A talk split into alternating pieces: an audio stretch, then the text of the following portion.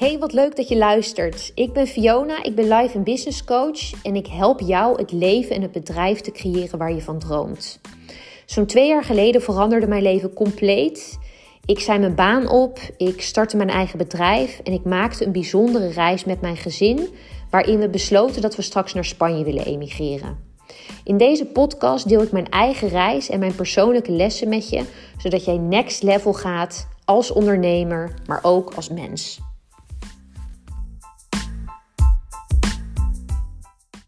Vandaag had ik een familieopstelling. Ik kom net terug van die opstelling als ik deze podcast opneem.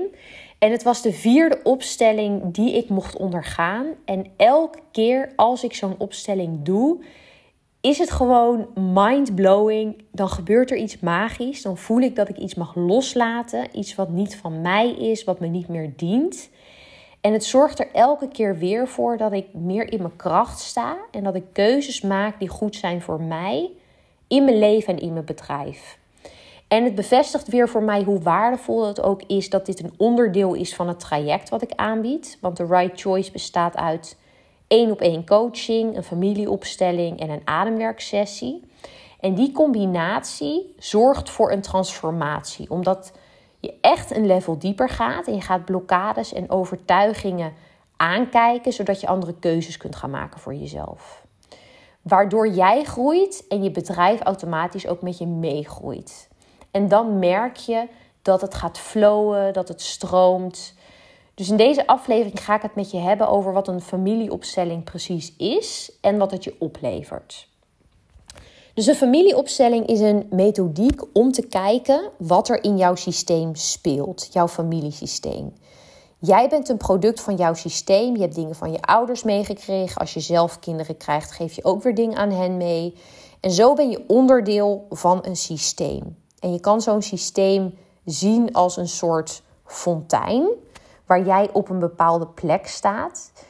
En je hoort onder je ouders te staan en boven je kinderen als je die hebt.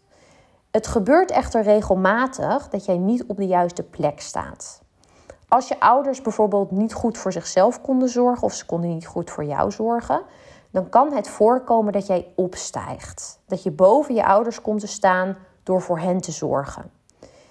En als kind gebeurt dit automatisch, hè? want jij wil dat het goed gaat met je ouders, daar zal je alles voor doen. En dus kan je er in feite niks aan doen dat je opstijgt. Maar op het moment dat jij niet op je plek staat, dan heeft dit tot gevolg dat je heel veel op eigen kracht moet doen in je leven. En dat zorgt ervoor dat jij niet je eigen ruimte kunt innemen om je leven te leiden of je bedrijf bijvoorbeeld te runnen zoals jij dat het liefste wil, zoals goed is voor jou. En een familieopstelling is een manier om iets zichtbaar te maken, zodat jij er beter mee om kan gaan, zodat jij andere keuzes kan maken voor jezelf. Als kind had je geen keuze, als volwassene heb je dat wel. En voordat ik ga vertellen hoe het precies in zijn werk gaat, is het belangrijk om te weten waar een systeem aan moet voldoen om goed te kunnen functioneren. Ten eerste moet de volgorde kloppen. Dus je ouders staan boven jou, je kinderen staan onder jou, je oudere broer staat boven jou, je jongere zusje staat onder jou. En zo krijg je de volgorde ouders, kind 1, kind 2 enzovoort. Ten tweede moet er sprake zijn van binding, wat betekent dat iedereen erbij hoort. Het komt voor binnen een systeem dat er bijvoorbeeld niet wordt gesproken over abortussen of over doodgeboren kinderen. Of er wordt iemand buitengesloten omdat hij bijvoorbeeld iets verschrikkelijks heeft gedaan. En op het moment dat dit gebeurt, heeft dat altijd een negatief effect. Een systeem wil namelijk dat iedereen erbij hoort en die wil zichzelf in balans houden. Dus wat er gebeurt op het moment dat iemand wordt buitengesloten, en dit gaat het rationele denken echt te boven, maar dan kan er een onbewuste identificatie optreden. Jij gaat dan bijvoorbeeld op de plek staan van ome Frans waar we niet meer over spreken. Ome Frans met wie het niet goed gaat. En op het moment dat jij op die plek staat, dan ga je alles doen om loyaal te zijn aan die oom. En op het moment dat het dan goed gaat in je leven, dus je hebt een bepaalde relatie of je hebt fijn werk, dan ga jij jezelf onbewust saboteren om ervoor te zorgen dat die relatie alsnog uitgaat of dat het werk toch niet gaat werken. Alles zodat het maar niet beter gaat met jou dan met die oom. Het systeem doet er alles aan om zichzelf in balans te houden en dit is een manier waarop dat plaats kan vinden. Het derde is dat geven en nemen in balans moet zijn.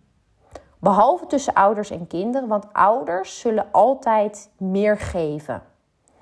Zelfs al hebben jouw ouders je alleen het leven gegeven en verder niets, dan nog geven ze je meer dan dat je ooit kunt ontvangen.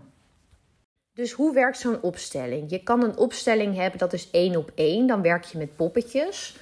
Of je kan een opstelling hebben binnen een groep met echte mensen. En je start dan met een bepaalde vraag. Dat kan van alles zijn. Het kan een persoonlijke vraag zijn. Het kan over je bedrijf gaan. En als het met echte mensen is, dan zijn die mensen dus onderdeel van jouw opstelling. Dan kan het bijvoorbeeld zo zijn dat iemand jouw vader representeert of iemand jouw moeder representeert. En waarschijnlijk heb je dan een bepaald gevoel bij iemand dat die dezelfde soort energie heeft als je vader. Of iemand lijkt ergens best wel een beetje op je moeder.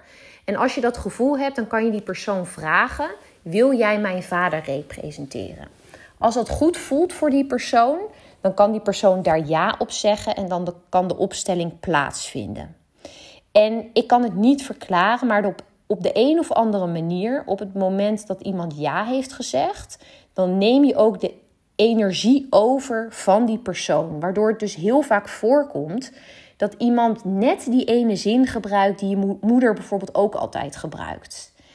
En als ik er zo over vertel, dan klinkt het misschien als een soort rollenspel. Maar het is zoveel meer dan dat. Op het moment dat iemand op een andere plek gaat staan, dus jouw moeder staat ergens en die gaat op een andere plek staan, of jij gaat op een andere plek staan, want er vindt altijd een soort beweging plaats binnen de opstelling. Wat dus ook letterlijk ervoor zorgt dat er iets in beweging wordt gezet. En dan kan het ineens gebeuren dat je heel erg moet huilen, of dat je gaat trillen, of dat je iets voelt veranderen in de energie. En nogmaals, ik kan het niet verklaren, maar zo'n opstelling zet altijd iets in beweging. Niet altijd heel duidelijk, niet altijd meteen, maar er gebeurt wel altijd wat. De laatste bijzondere gebeurtenis die ik me kan herinneren is dat iemand na de opstelling een heel goed gesprek had met haar vader. En ze had al jaren nooit zo'n soort gesprek gehad met haar vader. Daarnaast was ze 4 kilo afgevallen, terwijl ze altijd struggelde met haar gewicht. En ineens leek het moeiteloos te gaan. En binnen een week had ze haar hele bedrijf omgegooid, omdat er gewoon iets geshift was na die opstelling. Ik ga ook even een ander voorbeeld met je delen van een oefening die ik met een klant deed. Tijdens een sessie gaf zij aan: ik wil meer tijd vrijmaken voor mijn bedrijf. Als ik mijn bedrijf wil laten groeien, dan moet ik daar meer tijd voor maken. En de oplossing was simpel, namelijk haar zoon vaker naar de opvang brengen. Maar daar zat het hem juist. Dat was voor haar helemaal niet simpel. Het zat veel dieper bij haar en zij voelde zich enorm schuldig om dat te gaan doen. Ze had het gevoel dat ze dan geen goede moeder was, dat ze hem in de steek liet en dat als ze het zelf zou regelen, dat ze dan in ieder geval de controle had. Dus ik heb toen een oefening gedaan met haar, waarbij ik haar een kist gaf en die stond voor het dragen wat niet van haar was. En toen werd heel duidelijk voor haar en zichtbaar dat ze dat deed. En ze voelde het ook echt. Ze voelde letterlijk dat het heel zwaar was om te dragen wat niet van haar was.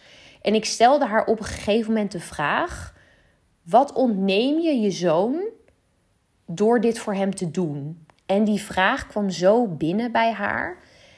En haar antwoord was op dat moment ja, dat hij zichzelf niet kan dragen. En vervolgens zei ik, sterker nog, hij voelt zich straks schuldig dat hij jou de kans ontnomen heeft om echt je eigen leven te leiden.